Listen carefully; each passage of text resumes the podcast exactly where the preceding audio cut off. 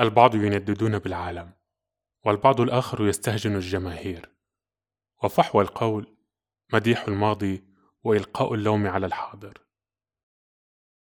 إنهم يزعقون أمام انعدام القيم وهلم جرة ولكن هذا كله قد قيل منذ عشرين أو ثلاثين سنة. فهذه صياغات بالية خدمت عصرها. وكل من يرددها الآن رث أيضا وفاقد نضارته إذ مع ذبول أوراق السنة الفائتة يذوي أيضا أولئك الذين عاشوا خلالها. وفكرت.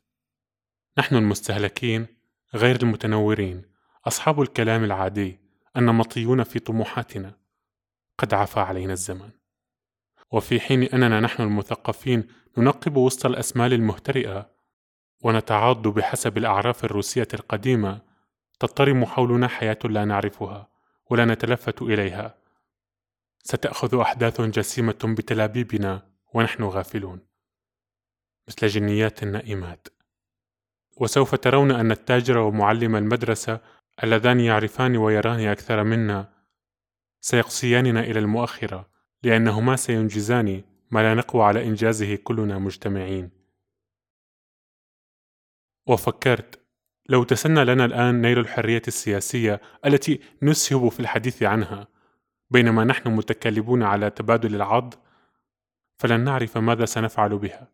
سنهدرها في كيل الاتهامات لبعضنا البعض على صفحات الجرائد بإطلاق نعوت المخبرين والجشعين. وسوف نفزع المجتمع بالسفاهة التي تكشف أن لا رجال بيننا ولا علم ولا أدب ولا أي شيء أي شيء. وترويع المجتمع على النحو الذي نقوم به ولن ننقطع عن القيام به. يعني حرمانه من الشجاعة ويعني ببساطة أن نجاهر بافتقادنا إلى أي حس اجتماعي أو سياسي. وفكرت أيضا سينقلب مآلنا إلى شمطاوات وعجائز يتوعدون قبل أن ينبلج فجر حياة جديدة وفي خضم كراهيتنا لذلك الفجر.